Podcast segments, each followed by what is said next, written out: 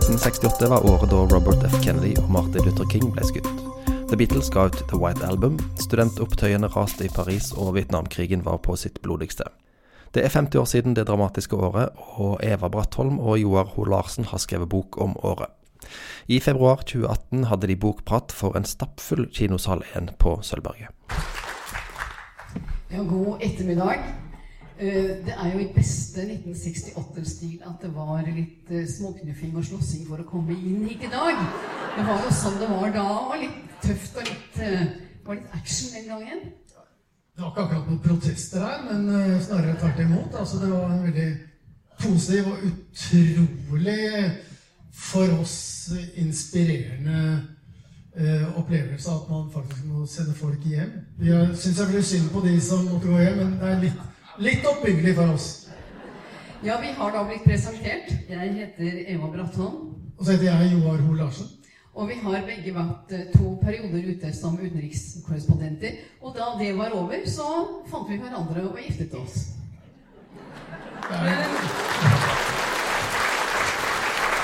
Vi husker 1968. Vi, ikke, vi er ikke 68-ere. Vi er litt for unge for det. Men vi husker årstallet. Og det håper jeg at mange av dere andre gjør også. Og nå skal vi gå litt tilbake, og vi skal se tilbake på 68. Og som, som det ble sagt her, vi kommer med en bok om det i april. Ja, 1968. Vær så god. Altså, det er ikke slik at alle år er like. Hele utgangspunktet her er jo at uh, eh, 1968 var mer begivenhetsrikt enn svært mange andre år. Nå må for så vidt korrigere litt, for det er jo ikke slik at det som skjer i 1968, oppsto i 1968. Det er veldig mange av disse begivenhetene som vi skal komme innom de neste tre kvarterene eller snaue timen, har jo et forløp. Men veldig mye av dette som skjedde etter, eh, etter annen verdenskrig, eh, det klumpa seg i, i 1968. Og Først og fremst så tenker kanskje mange på, på ungdomsopprør. Veldig mange her eh, var jo der den gang. Eh, studentdemonstrasjoner, hippiekultur. Man tenker på flower power og på generasjonsmotsetninger. Men det var ikke bare følelser og synsing og moro. Det lå et alvor bak, og ikke minst var det Vietnamkrigen. Supermakten USAs angrep på et fattig bondefolk ble et symbol på at noe var galt. Riktig mange kolonier hadde blitt selvstendige, men krigen i Vietnam ble beviset på at ingenting var forandret. Alt var i bunn og grunn det samme. Den vestlige verden bestemte og behandlet andre nasjoner etter eget forgodtbefinnende. Vietnamkrigen ble en oppvåkning. Mange unge idealister mente at slik kunne vi ikke ha det, og de sa ifra. De store etterkrigskullene, eh, på amerikansk også kalt baby boomers, reagerte på, på foreldregenerasjonens verdensbilde, på det samfunnet de fikk overlevert. Spesielt eh, i USA. Lykken der var en eh, hvit kjernefamilie i drabantbyene med hjemmeværende mor, en forsørgende far og gudstjeneste hver søndag. Og da sier jeg gudstjeneste, det var ikke noen som skulle til moskeen den gangen. Eh, det var en ekstremt konform tilværelse, der impulser fra verden utenfra var nærmest uønsket og i hvert fall forvirrende. I denne sammenheng er det viktig å huske at det var kald krig den gangen. Verden var delt i to eh, Sigd og, og, Hammer og Stars and Stripes eh, Man forholdt seg til disse to supermaktene. Eh, det var mye propaganda, det var mye desinformasjon. Vi visste ufattelig lite om livet i Sovjetunionen, annet enn det som kom som propaganda. Eh, og vi visste lite om oppvekstvilkår i, i Øst-Europa, bak jernteppet, som vi kalte det. Eh, det var på veldig mange måter oss mot dem. Og resten av verden det var ikke noen tredje verden den gang. Resten av verden var ikke like viktig. Berlinmuren, som ble bygget i 1961, den ble på mange måter det, det visuelle symbolet på denne todelingen av verden. Jeg tror du må flytte deg litt nærmere meg, for hodet ditt vises så vidt på skjermen. Jeg har prøvd å som man sier på norsk nå, adressere dette allerede. Men, men jeg, da må jeg sitte der fremme, og det virker litt uh, kunstig. Flytte litt nærmere meg. Det kom nærmere som du ikke sant? Det hjalp ingenting. Det hjalp ingenting. Det er mye hyggeligere. Ja. På mange måter så begynner historien om 1968 i Berlin. Den begynner ikke 1. januar, den begynner 2. juni 1967. Som Joar sa, så er det jo mye av det som skjer i 68, som er konklusjonen, refleksjonen av det som skjer tidligere i tiåret. Tyske studenter hadde større grunn enn andre til å stille spørsmål ved samtiden. Landet var blitt delt etter andre verdenskrig, og den vestlige delen, den franske, britiske og amerikanske sonen, var medlem i Nato og ESC, som det het den gangen. Forbundsrepublikken, som Vest-Tyskland ble kalt, var et demokrati, og politikerne i den midlertidige hovedstaden Bonn var frihetens forsvar. Men det var ett stort problem her, og det var at mange av disse politikerne i, i Vest-Tyskland de hadde ikke tatt noe oppgjør med fortiden med Nazi-Tyskland. Og mange av, mange av, dem var jo da altså, Hvis vi tenker på 68, 67 Det var jo grovt sett bare 20 år etter krigen. slik at mange av de som hadde vært soldater i Wehrmacht, de, de var jo i 40-årene og i 50-årene. slik at det var en veldig rød tråd fra Nazi-Tyskland til de som satt i posisjoner midt på 60-tallet. Og det var da mange unge tyskere som eh, reagerte på. De mente at mentaliteten var mye av det samme.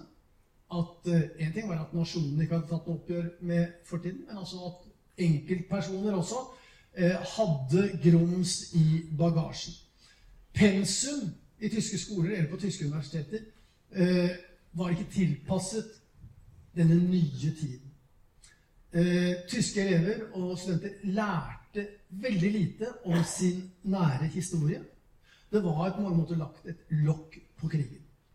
Så skjedde det noe veldig utløsende. Den 2. juni 1967 så kom Shana Persia til Vest-Berlin. Og han var på veldig mange måter et, et realtilfelle, et veldig godt eksempel på noe av det tyske studenter da reagerte mot. Shana Persia, riktignok med den vakre Farah Diba ved sin side, han var innsatt i sin posisjon av CIA, som hadde da sørget for å styrte den lovlig valgte regjeringen i eh, Teheran.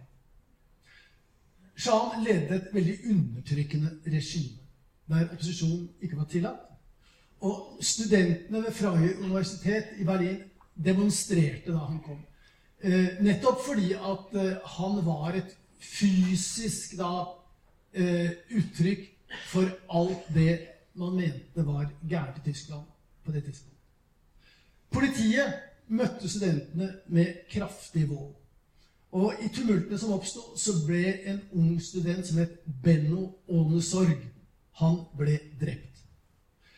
Mange mener, og det er også gode bevis Eh, Bl.a. på hvordan han ble skutt, og hvordan han ble drept, og hvor han ble skutt, og av hvem han ble skutt. Eh, at dette var et, eh, et mord i, i kaldt blod. Foretatt fordi at mange politikere mislikte ikke bare demonstrantene, men også demonstrantenes politiske motiver. Denne hendelsen, da Benno Ålesorg ble skutt og drept, det var på mange måter forløperen for Eh, da Rudi Dutschke ble en ledende personlighet, eh, da Rota Armee-fraksjon ble stiftet, og da Bader-Meinhof-gruppen eh, terroriserte ikke bare Vest-Tyskland, men også deler av verden i, i flere år, med flykapringer og bankran, med kidnappinger og drap. Men det var ikke alle som grep til våpen.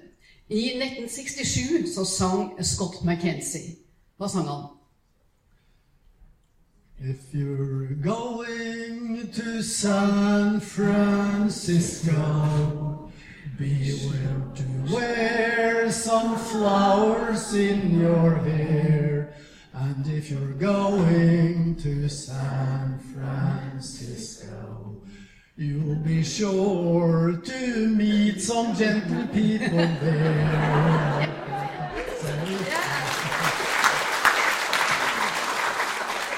San Francisco ble hovedsentrum for hippiebevegelsen. Blomsterbarna de var mot krig og voldsbruk. De var snille og fredelige. Eh, Riktignok mye eh, rusmidler sikkert også. De røkte mariana, pyntet seg med blomster, fargerike klær under mottoet 'Make love, not war'. De arrangerte love-ins i Golden Gate Park, hadde et avslappet forhold til monogami og partnerbytte, levde ut sin kjærlighetsideologi, og dette gjorde de i sterk kontrast til mer politisk bevisste studenter, f.eks. ved Berkeley-universitetet. Berkeley Universitetet ligger jo rett over San Francisco Bay, across the Bay Bridge, som de sier på de kanter. Der var ungdomskulturen på mange måter den samme. Men den fikk et helt annet uttrykk enn i Hate Ashbury i San Francisco, hvor, hvor det var flower power og Men du var jo der. mer dop. Jeg var der. Jeg, jeg gikk på high school i eh, 67-68, like utenfor eh, San Francisco. Eh, og så jo mye av dette på nært hold. Jeg ante jo ikke den gang at jeg skulle sitte og holde foredrag om dette 50 år senere. Eh, så jeg tok ikke de notatene jeg burde ha tatt.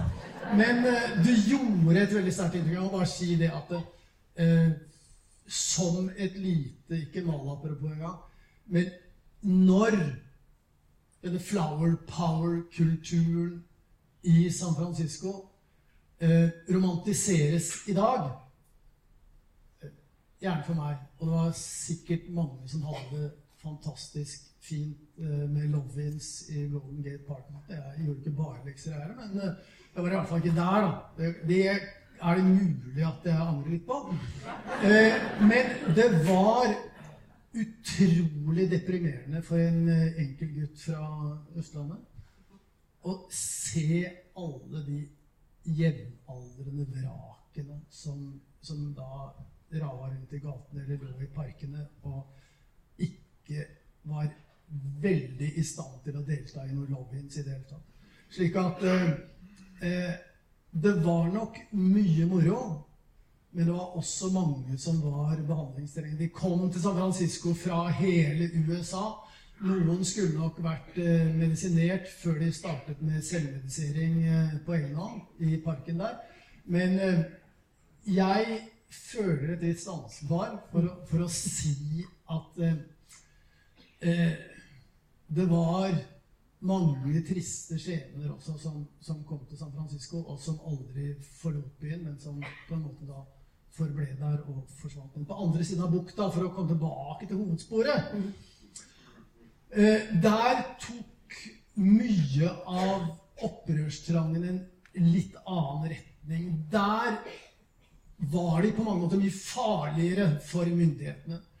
Å, dope seg ned har for så vidt aldri truet makta. De som derimot da brente disse innkallingskortene sine, de ville ikke dra til Vietnam, de, de gikk i tog, eh, de bar plakater, de avholdt møter, og de, de lagde store problemer. De skjulte på og stilte president Lyndon B. Johnson til ansvar. I mars 1968 så var det en halv million amerikanske soldater i Vietnam. Siden jeg gikk på high så fikk jeg også et innkallingskort. Men siden jeg heter Joar, så var altså det så uvanlig rart eh, Ikke bare i Stavanger, men altså enda mer i, i USA. Så jeg ble innkalt sesjon til Women's Auxiliary Force. Så jeg hadde i prinsippet en lovende karriere som Lotte, eh, men slapp altså da unna. Nå ble jeg Glad det ikke ble noe av det. Jeg skal ikke si det. Eh, men eh, for på det tidspunktet så var det jo alminnelig verneplikt. Og det var mange av gutta i klassen som uh, misunte meg lottekorpset. Uh, og kort, kort forhold. Uh, jeg var tilbake på et 40-årsjubileum for da ti år siden. Ligger i natur. Det var en av de gutta som satt bak meg. husker jeg. Han ble innkalt. Og jeg har til og med vært og sett i disse bladene, disse bøkene og sett på den veggen i Washington DC for å se om jeg fant navnet hans. Jeg har jo ikke gjort det, men jeg har ikke lett så voldsomt heller. Og der var han. Og han var i hvert fall i mye bedre form enn veldig mange av de andre som hadde forfalt på vanlig amerikansk vis. Han fortalte meg at det, det var han og flere på skolen som den, Når man først ble innkalt, så verva man seg. Han var blitt helikoptertekniker. Og så viktig som helikoptrene var i Vietnamkrigen, så var selvfølgelig helikopterreparatørene enda mye viktigere. Så han kom aldri til Vietnam. Han var altfor verdifull til å bli brukt ved fronten. Slik at uh, han var i stand til å gjøre en dårlig ting til en god ting. Og syns jeg var veldig interessant at det faktisk var måter å jobbe seg gjennom dette på. Men det var jo ikke bare studenter som demonstrerte. Da Walter Cronkite, altså USAs eh, ledende journalist, den amerikanere hadde større tillit til enn eh, en noen eh, president på det tidspunkt Han var i Vietnam tidlig på året 1968, midt under Tet-offensiven, som er 50 år siden i disse dager. Da han kom hjem og sa på TV-nyhetene på kvelden at dette var en krig Amerika ikke kunne vinne. Da snudde veldig mye av opinionen seg. Da var på mange måter opinionen tapt. Eh, da bestemte president Lyndon Johnson seg for at han ikke ville stille til gjenvalg. Dermed så var feltet på demokratenes side helt åpent. Det var klart at Richard Nixon kom til å stille som presidentkandidat for, for uh, republikanerne. Eh, det var bare én antikrigskandidat på demokratenes side. Eugene McCarthy. Han var litt datidens Bernie Sanders. Ekstremt populær blant krigsmotstandere og studenter og motkulturelle tilhengere. Men han var overhodet ikke valgbar. Så da bestemte tidligere president F. Kennedys lillebror Robert Kennedy, senator, han bestemte seg da for å stille som presidentkandidat. Og Robert Kennedy han var en typisk Kennedy. Jeg husker dette veldig godt selv. Vi bodde i Trondheim og fulgte godt med i politikk. Og dette forferdelige sjokket da John F. Kennedy ble myrdet, det ble på en måte et slags nytt håp. En ny Kennedy. At det var mulig at vi skulle få en ny John F. Kennedy da Bobby stilte til valg. Han var pen og sjarmerende. Hadde akkurat vunnet nominasjonsvalg i California da han ble skutt og drept den 6. juni 1968. Så nok et sjokkdrap på en Kennedy.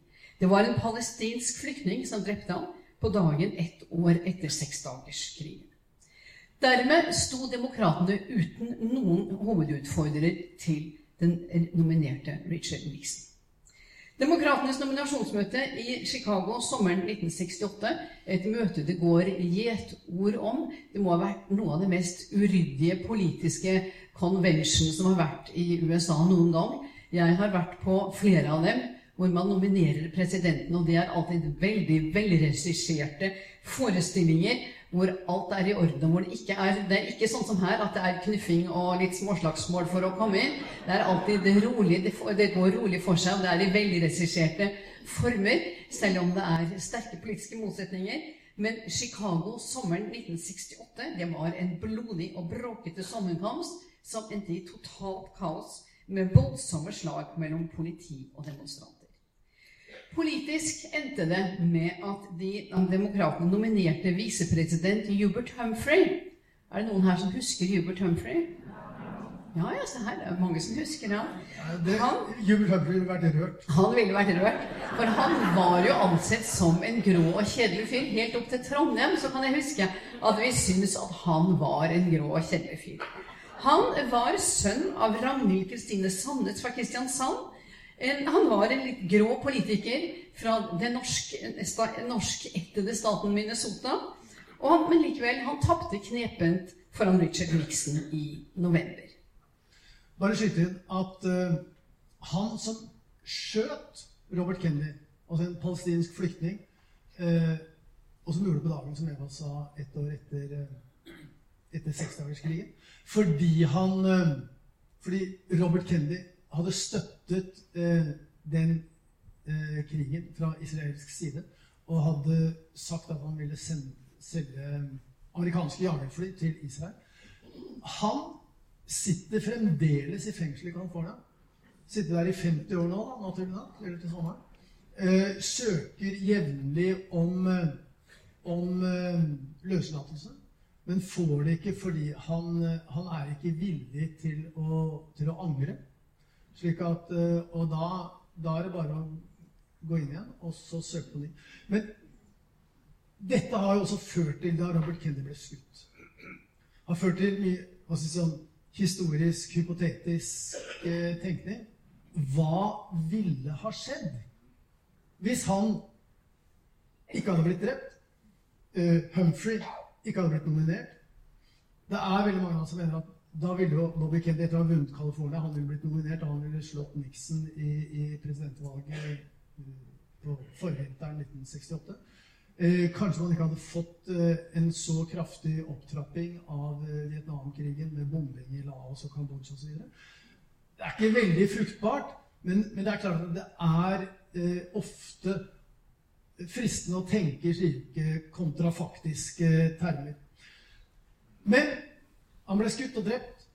Etterlot seg eh, enken Ethel, som jeg faktisk mener var gravid, og ti barn.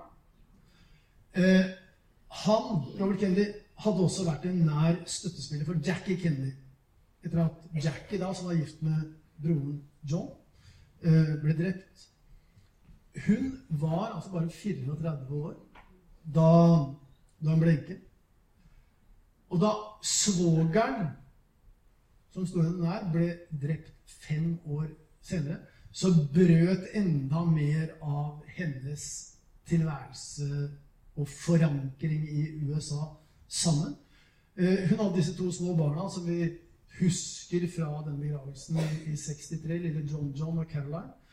Eh, de var selvfølgelig blitt fem år eldre, de òg. Men hun begynte da virkelig å frykte for eh, ikke bare egen, men ikke minst barnas eh, sikkerhet. Så noe måtte gjøres. Og det som måtte gjøres, det hun på, bestemte seg for å gjøre, det var altså den styrtrike skipsrederen Aristoteles Onassis. 23 år eldre enn henne. Han var en gammel bekjent av familien. Han hadde vaket i kulissene helt siden Jackie ble enke i 1963. Jackie var uheldig. Hun hadde to, Et barn ble dødfødt, og et barn døde veldig fort etter fødselen. Et par dager. Lille Patrick døde bare et par dager etter fødselen i, der oppe i New England, i Hyannis Port. Og hun må naturligvis svært deprimert etter dette. Aristoteles Onassis tilbød henne at hun kunne være på yachten hans Kristina i Middelhavet for å komme til hektene og være da helt utenfor alle fotografers rekkevidde. Det takket hun ja til. Og, og, og de hadde et slags vennskapsforhold, og var, de var bekjente eh, den gangen. Og Nossis kunne tilby henne en veldig viktig ting. Han kunne tilby en ytre trygghet som hun kunne trekke seg tilbake til. Et sted hun, som, Den tryggheten som da en privat øy i, i Gerhavet var. En privat yacht hun kunne bruke. Han hadde sin egen fly, uh, sitt eget flyselskap, Olympic Airways. Og han eide uh, leiligheter og, og, og bosteder rundt om i hele verden. Og hadde naturligvis ubegrenset med penger, som også gir en del trygghet. Høsten 68 så sa hun ja til hans frieri. Han hadde da fridd for lenge siden, men hun hadde tvilt på dette. Og familien var ikke begeistret for dette, og hun hadde gått med på å vente på å gifte seg med, med, med Onassis. I hvert fall Bobby Kennedy hadde vært med på valget. Nå ble jo ikke han med på valget fordi han ble drept, men hun hadde gått med på å utsette fordi Kennedy-familien visste at dette ville føre til sterke reaksjoner. Bryllupet sto på hans private øy på Skorpios i Egerhavet.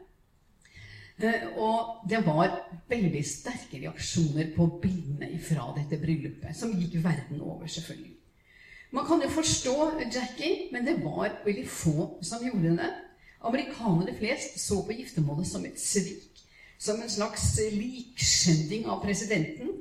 I New York Times så sto det 'Hun solgte seg for et sjekkhefte'. Så nå har jeg nettopp lest en biografi, og der står det at det var ikke noe sjekkhefte, men Onassis hadde gitt henne en hel folder med kredittkort. Der hører du hvordan man, kan, man kan gi på. Og aviser verden over skrev at en gudinne er, er borte, hun, hun, er tapt for oss. Så hun ble altså dømt nord og ned. Og det var folk som gikk langt. I Tyskland var det en som gikk til sultestreik. For hun var så fortvilet over at Jackie Kennedy hadde, hadde giftet seg med Onassis. Altså, da var jo for så vidt eh, Dagbladets reaksjon eh, veldig mild. Eh, men dette var altså for veldig mange, som jo Eva strengt tatt har redegjort for, det var en utrolig stor forbauselse. Kanskje eh, det minst aksepterte ekteskapet i tillegg i, i forrige århundre. Nettopp fordi at hun hadde jo da vært riksenke i mange, år og, og hadde denne posisjonen. Men de som så det i en si, mindre emosjonell, men mer politisk sammenheng, de mente jo også at dette var en politisk feil beslutning. fordi at dette var, og ble av enkelte tolket som en, som en støtte til den greske militærjuntaen. Husk at I 1968 så var det jo eh, så var det jo ikke noe demokrati i demokratiets hjemland. slik at når man da gifter seg med en av de fremste internasjonale eksponentene for et slikt regime, så eh, går man litt med i dragsuget og kan bli beskyldt for at dette er noe mer enn et eh, ekteskap. Det får en politisk dimensjon. Og apropos mer enn et ekteskap, det er vel også de som mener at det var litt mindre enn et ekteskap. For det blir jo sånn tvil eh, om hvorvidt og i hvilken grad dette var et kjærlighetsbasert ekteskap. Ja, I flere bøker så hevdes det at dette var en formalitet, at det var en forretningsavtale. Og det man vet sikkert, er at Edward Kennedy, altså den som var den gjenlevende bror, han reiste til Skorpios og forhandlet fram en avtale med Onassis om penger. Han nærmest en slags uh, forretningsavtale om hva Onassis skulle tilby Jackie av penger. Uh, men på den annen side så er det de som hevder at det var et heftig forhold, at det var dampende sex flere ganger om dagen. Men det er mulig at det er fake news fra den 62 år gamle brudgommen. Det kan være. Men det vi vet sikkert, er at de etablerte aldri noe felles hjem. Og Jackies barn, John John og Carolyn, de fortsatte på sin amerikanske skole i New York. Hun hadde sin leilighet der. Hun hadde 14-roms leilighet på Fifth Avenue. Det, det, vil jeg jo gjerne ha. Det er eh, vanskelig og helt, i dag helt, eh, helt uh, umulig å, å, skaffe seg, men hun fortsatte å bo der. Mens da Onassis var på besøk i, i New York, så bodde han på Hotell Pierre og var innom hennes leilighet av og til. Så så veldig heftig kunne jo ikke være sett ut ifra New York-besøkende. Men de reiste da rundt og var på forskjellige steder, leiligheter og hotellsuiter som Onassis eide rundt om i verden der hvor jetsettere møtes. Jeg har, vært, eh, jeg har vært her før, men jeg har også vært eh, steder hvor man da har sagt at eh, når man sitter sånn og snakker i så må man ikke glemme de som sitter på galleriet. sånn at vi må henvende oss også til galleriet. Så, så bare sånn at det nå er gjort sånn at blikkretningen ikke er bare her på fjerde rad, men også at vi, vi, setter pris på at dere også er til stede. Uh, når vi først da snakker om eh, 1968, våren 68, så er det én begivenhet om det, sier eh, som kanskje rystet Europa mer enn noe annet. Fordi at i mai så klarte franske studenter nesten å styrte landets mektige Charles de Gaulle.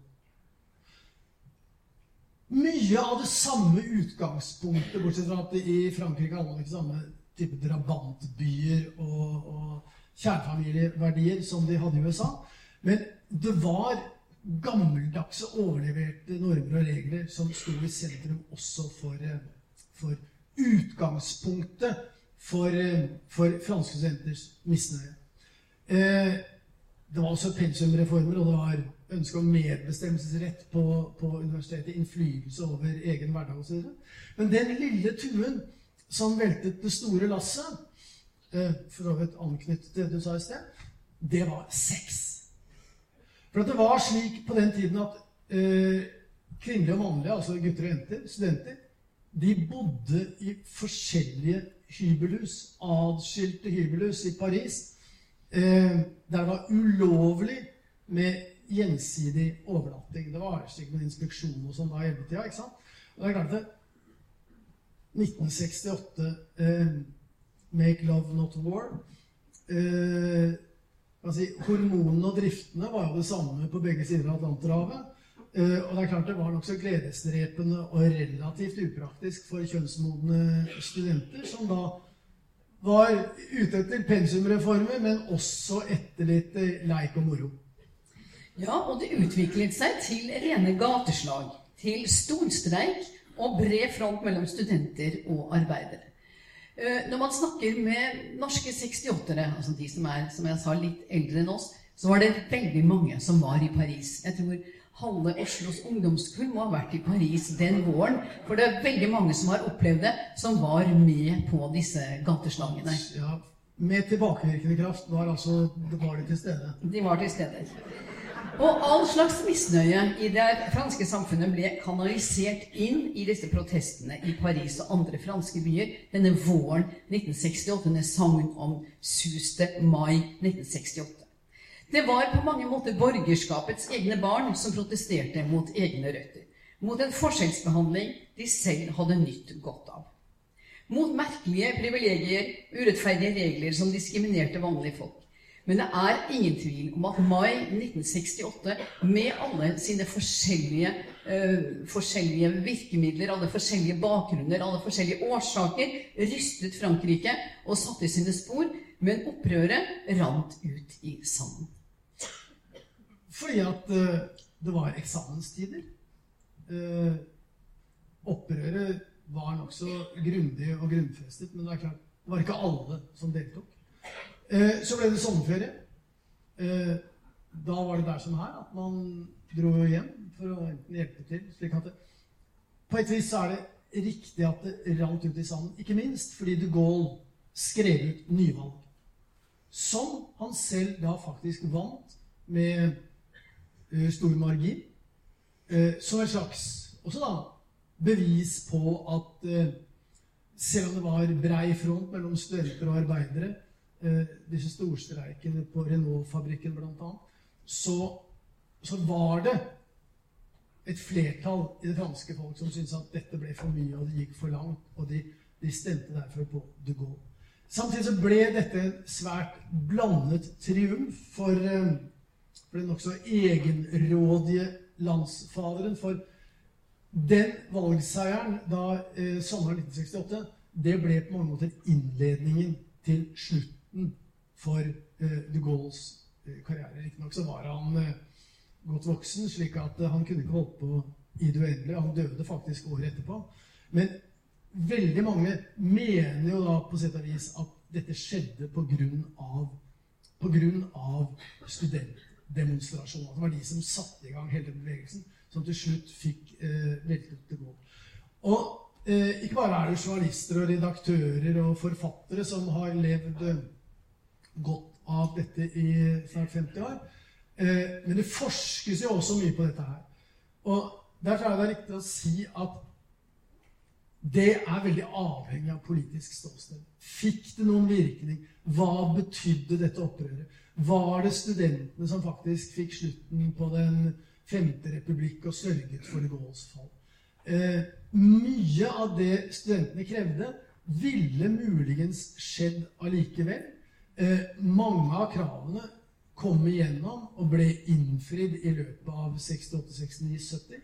Men hvorvidt det ble fremskyndet pga. demonstrasjonene eller ei, det er det naturlig nok umulig å si. Men det betydde i hvert fall at man fikk fortgang i en ny måte å tenke på.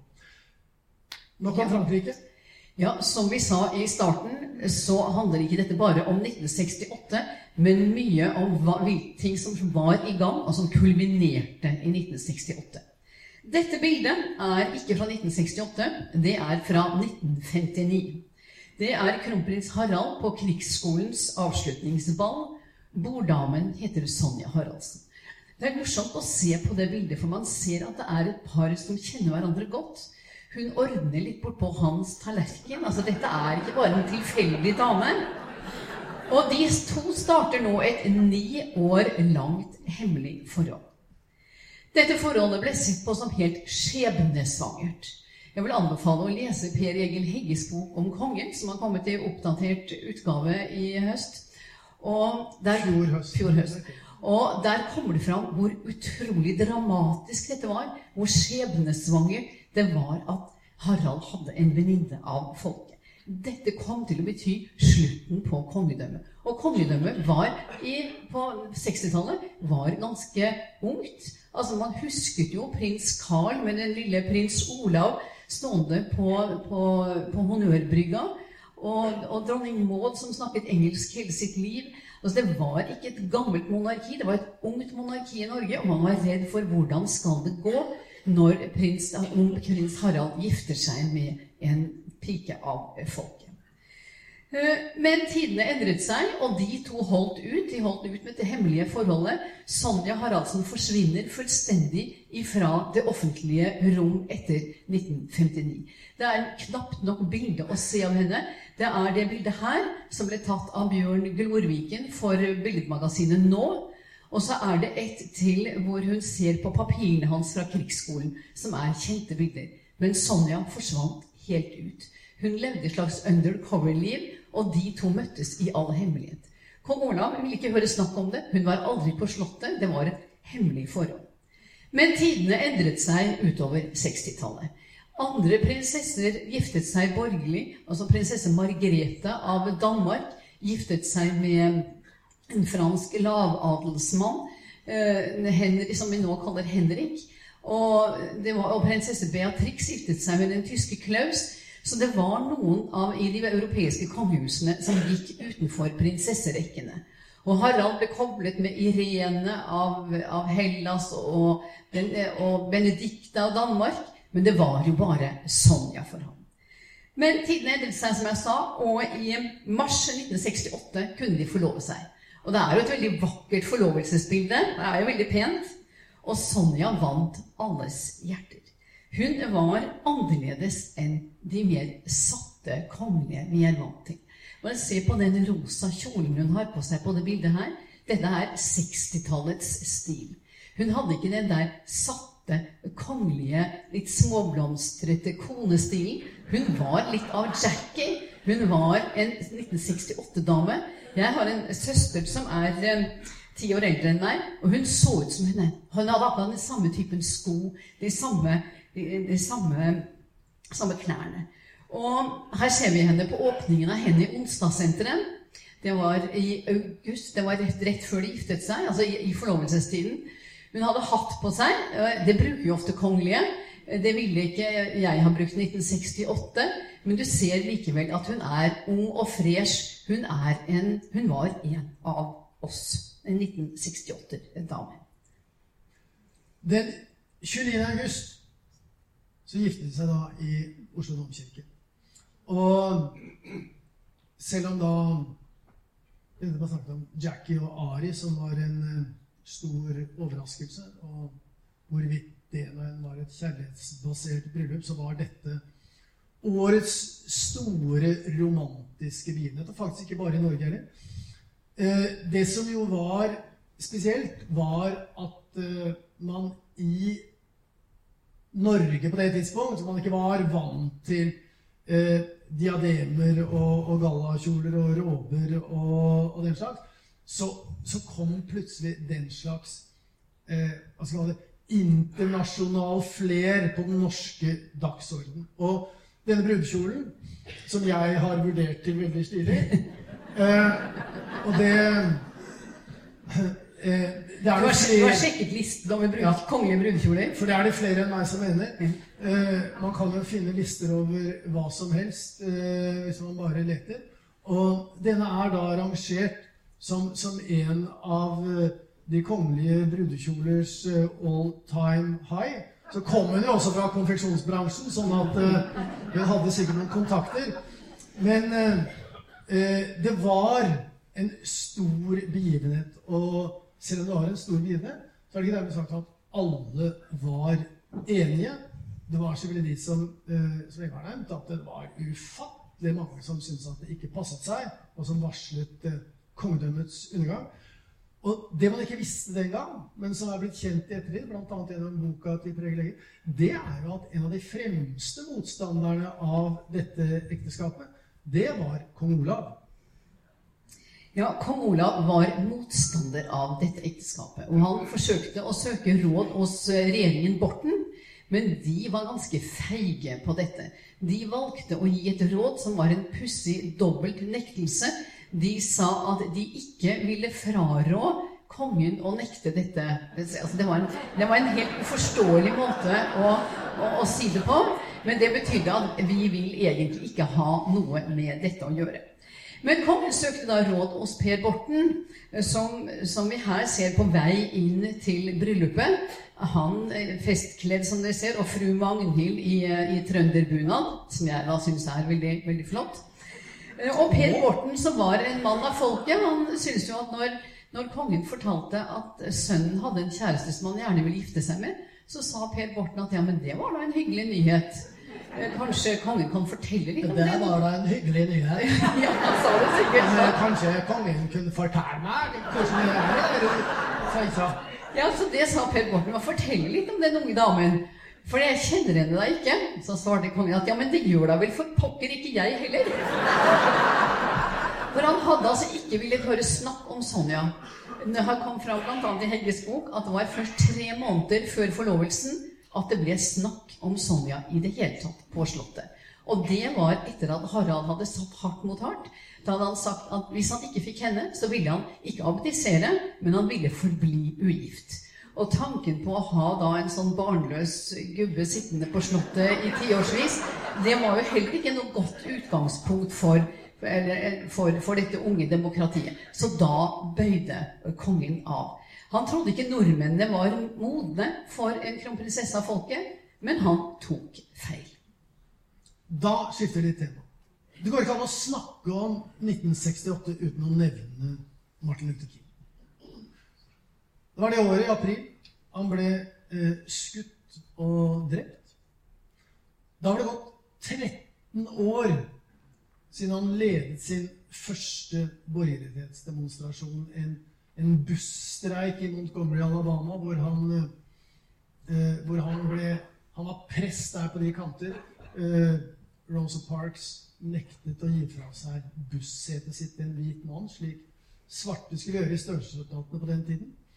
Eh, det brakte Martin Luther King frem i offentlighetens lys i hele USA.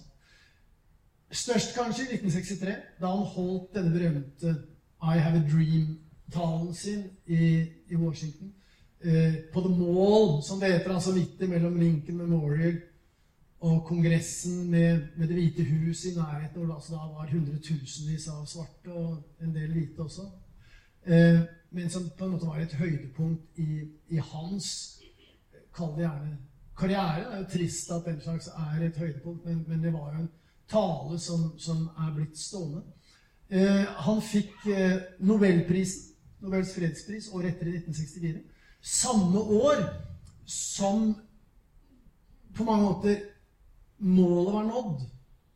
For da ble de såkalte borgerrettslovene vedtatt. Altså lover som rent formelt sett, eh, men i praksis ikke, sidestilte svarte og hvite borgere. Ja, så merkelig nok var det en enorm motstand mot dette. Martin Luther King han ble hyllet, men han ble også herset med. Han ble sparket, bitt av hunder, skadet av vannkanoner, arrestert og fengslet. Vi var på en rundetur i USA i fotsporene til Martin Luther King for noen år siden. Og det er helt utrolig å oppleve hva som skjedde for ganske kort tid siden når det gjaldt forfølgelser av en person som Martin Luther King. Hus der familien hans bodde, ble bombet. Han ble knivstukket og overvåket. Det ble spredt rykter om han, og FBI satte i gang Svartekampanjen. Men han holdt ut. Ikke-voldslinjen hans ble latterliggjort av militante svarte. Passiv motstand var ikke noe for radikale, rastløse ungdommer. Men det var jo ikke da bare blant de hvite, men det var også mange svarte som, som var motstandere av, av, den linjen han valgte. Eh, og han var under press for å gå vekk fra denne Gandhi-filosofien som han dyrket. Eh, derfor var det ikke mange som kunne si hvem som sto bak disse skuddene da han altså ble myrdet på denne balkongen utenfor hotellrommet sitt i, i Memphis i Tennessee 4.4.1968. Eh, jeg er nesten helt 100 sikkert at det var en hvit mann som heter James Earl Ray, som, som skjøt, avfyrte skuddene. Eh, han hadde en fortid som rasist, slik at eh, for å si det slik, Han hadde sikkert ikke noe imot å skyte den mannen. Men han hadde ikke noe motiv. Og Derfor så er det fremdeles mange som stiller seg dette spørsmålet Hvem representerte han? Var dette en, en enslig, ensom forbryter? Husk, dette er bare fem år, eller fire og et halvt år etter at Lee Harvey Oswald skjøt John F. Kennedy. Hvor man heller ikke fant noe skikkelig motiv eller, eller noen konspirasjon. Om det er mange som har funnet hundrevis av konspirasjonsteorier. Men nok en gang så skulle man altså sitte med et mord på en veldig ledende amerikansk personlighet og, og ikke vite bakgrunnen, ikke kjenne årsaken. Eh, så man aner ikke om James Earl Ray eh, handlet på, på oppdrag fra noen. Og han døde selv i fengsel før han eventuelt valgte å fortelle. slik at denne gåten er på mange måter, om ikke uløst, så er i hvert fall ikke hele sannheten kommet frem. Kampen fortsatte uten King. Og kampen for likestilling den tok jo da forskjellige retninger, så lenge man ikke hadde han som det moralske kompasset han var. Eh, men selv etter at disse borgerrettslovene i 64 og stemmerettslovene ble vedtatt i, i 65, så var det veldig mye som gjensto i den politiske hverdagen for svarte amerikanere. De svarte panterne var militante, og de aksjonerte. De jobbet på grunnplanet med bevisstgjøring og stolthet. Black power og black is beautiful. De gikk med rak rygg, og de tok igjen. Mange hadde glede av deres innsats i de indre bydelene, som leksehjelping og bespisning, men hvite så på dem med skepsis og misnøye. Det ble ansett, ikke ansett som stuerent å støtte de svarte panternes kamp for bevisstgjøring. Det var to karer som gjorde det. I Mexico-OL i 1968. Høsten. Sommer-OL. Eh, oktober. Tommy Smith og John Carlos fikk med seg den australske sølvvinneren til å være med på, på markeringen under premieutdeling på 200 meter. Knyttede never, senket hode, barbeint for å symbolisere altså hvor nakne og hvor kuede eh, svarte fremdeles var. Og Det gjorde de da bokstavelig talt med en hel verden som publikum. Bildene sier jo vanvittig mye mer enn mange ord. Og det var selvfølgelig plagsomt for, for mange amerikanere. Nå skal det sies at kanskje for enda flere så var det på tide. Mange, mange mente faktisk at det, det, var riktig å gjøre dette. Men eh, de ble utstøtt av den amerikanske OL-komiteen. Ikke nødvendigvis av, av, troppen, men av OL-komiteen. hvor da en kjent personlighet fra den tid, Avery Brundage, hadde et uh, sentralt verv. De blir skyldt for å være anti-amerikanske. Uh, og at dette er, som man da sier i dag, i mye større grad at det liksom, om man er patriot Man er ikke patriot når man gjør den slags. Men faktisk denne negative bølgen mot Tommy Smith og John Carlos fra 1968, det snudde ganske fort. Det skal USA ha. Eh, de ble delvis tatt inn igjen i varmen. De fikk tillitsverv av den amerikanske OL-komiteen. De ble innsatt som trenere i, eh, i friidrett på forskjellige universiteter. Og fikk etter hvert da full oppreisning og honnør for det de gjorde. Og i dag i eh, Dette helt utrolig, hvor vi faktisk ikke har fått anledning til å komme inn engang. Nye, det nyeste museet på denne mål eh, midt i Washington DC, så ble det åpnet et uh, National Museum of African American History i fjor. Og der er akkurat denne scenen hvor de står med knyttede hender der står de gutta nå på, på sokkel og får altså da sin rettmessige hyllest for det de gjorde. Må jeg si at dette skjedde i Mexico City. Viktig for mange. For meksikanere selv så var det som skjedde i månedene før OL, mye viktigere. Eh, kanskje var de preget av studentdemonstrasjoner andre steder, i USA og i Frankrike. Men studentene i Mexico, i flere byer, men spesielt i Mexico City, de demonstrerte da mot denne vanvittige pengebruken. Arrangere olympiske leker blant fattige folk.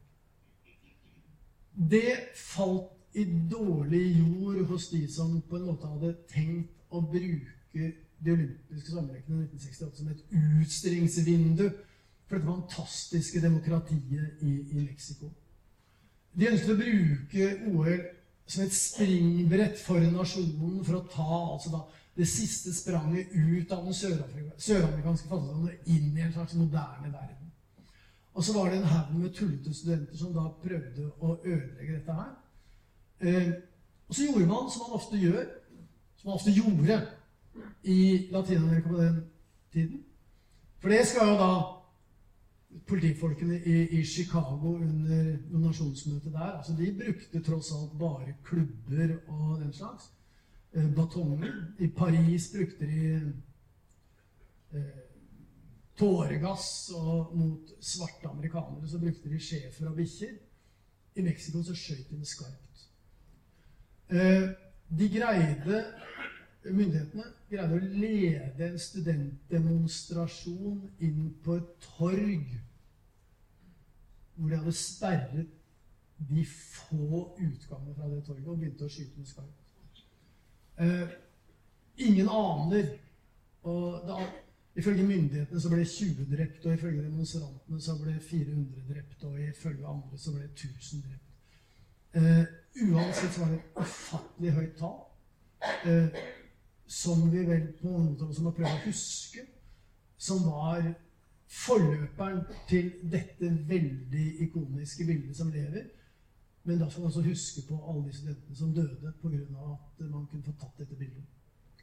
1968 var ikke bare studentopprør, mord, brylluper og blomsterbarn. I Tsjekkoslovakia skjedde det dramatiske ting. Og mange av dere kjenner sikkert igjen denne mannen. Aleksandr Dubcek. Når jeg ser bildet av han, så tenker jeg at det var akkurat sånn pappaene så ut den gangen. En typisk pappafigur. Han så mye mildere og snillere ut enn mange av de sosialistlederne man var vant til å se. Helt annerledes enn de som sto oppe på, det, på muren på Den røde plass. Han hadde, som, akkurat som han forfektet, sosialisme med et menneskelig ansikt. Og Aleksandr Dubček hadde også en, en, en slags mild personlighet som passet med nettopp det som var hans ideologi. Men østblokken var ikke organisert på den måten. Sovjetunionen kunne ikke tillate noe slikt. Så da tsjekkere og slovakere fikk smaken på en smule romslighet, hadde de gått for langt. Sovjetunionen, med deltakelse fra de andre Warszawa-pakkelandene, knuste frihetshåpet, de invaderte landet og avsatte alle reformvennlige politikere rundt Dubsjik. Så denne hendelsen i 1968 var en sjokkerende hendelse for mange. Dette å se tanks i gatene, det var en utrolig dramatisk opplevelse. Samtidig så var det, det var et slags brodermord. altså Tsjekkoslovakia var en integrert del av Warszawapakten, slik at det, det gjorde sterkt inntrykk i Øst-Europa, men det gjorde kanskje enda sterkere inntrykk i Vest-Europa. For det er klart, hvis Sovjetunionen var villig til å invadere et broderfolk, hva kunne de ikke da finne på å gjøre? Slik at krigsangsten eh, var høyere da enn den hadde vært noen gang siden annen verdenskrig. For Det var ikke så lenge til krigen. Det var tross alt bare et kvart århundre. Og knapt nok det. Men det er sikkert folk her i salen som, som var i, i Forsvaret. Eh, det var full beredskap i, i Norge. Soldater la seg med støvlene på og, og, trodde og fryktet at man kanskje måtte rykke ut uh, umiddelbart. Uh, selv på politisk side, gode høyrefolk, var plutselig 68 og var ute i gatene og demonstrerte. Eh, I Oslo Eh, var det demonstrasjoner utenfor den eh, sovjetiske ambassaden i Drammensveien, på samme måte som det var demonstrasjoner utenfor eh, sovjetiske ambassader i en lang rekke land. Jeg husker ikke navnet, men altså det var flere da sentrale høyrepolitikere som holdt appeller, og som oppførte seg på måter som, som høyrefolk ikke gjorde på det tidspunkt. Pussig var at de støttet Dubcek. Sånn i ettertid så kan man på en måte ironisere litt over det. For Dubcek var jo fremdeles kommunist. Altså Han hadde ikke tatt avstand fra kommunismen på noen som helst måte.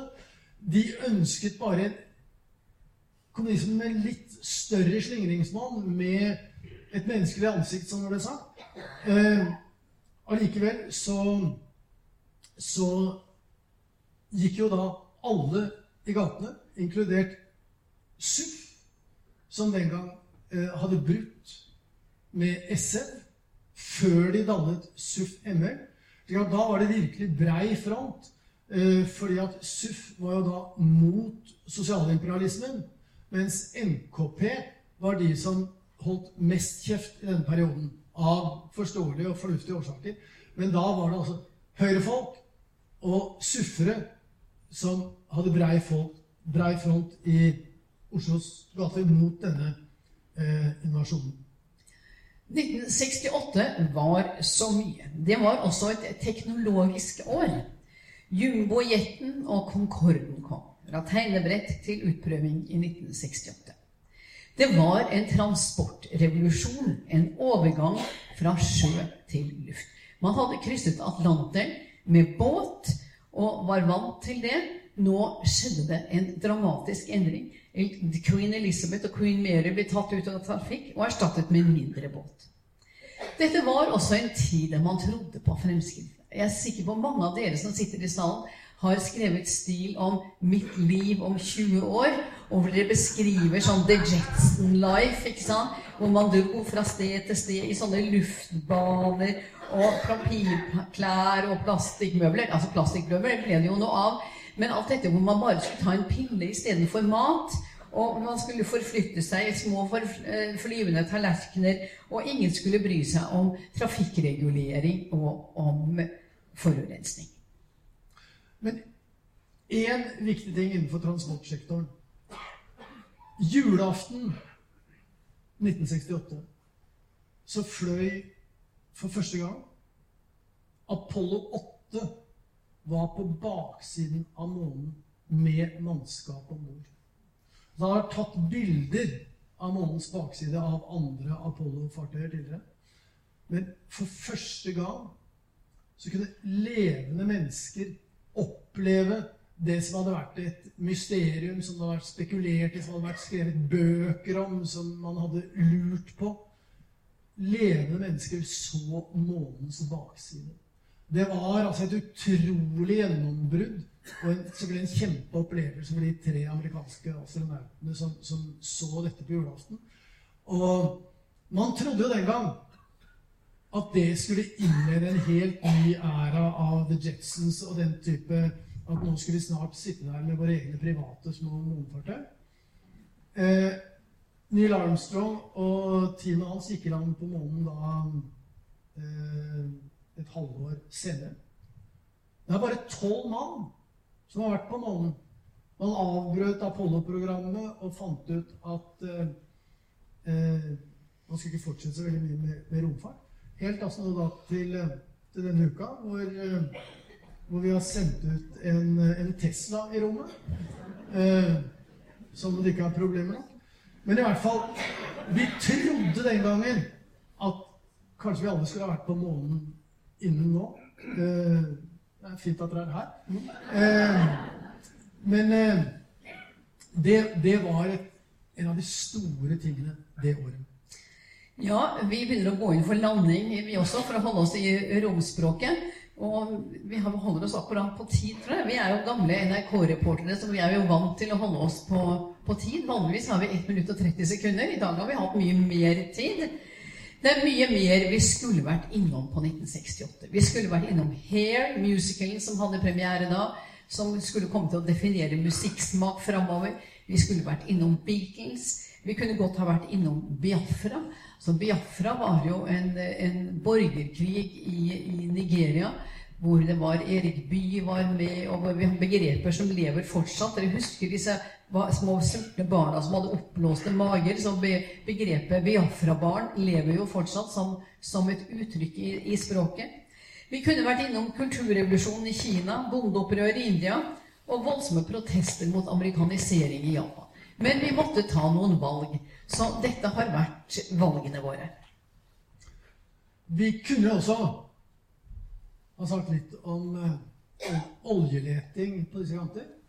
Det ble vel faktisk gjort et funn i 1968, men altså det store gjennombruddet med Ekofisk kommer jo først lille julaften 1969, slik at det får vi ta til neste år.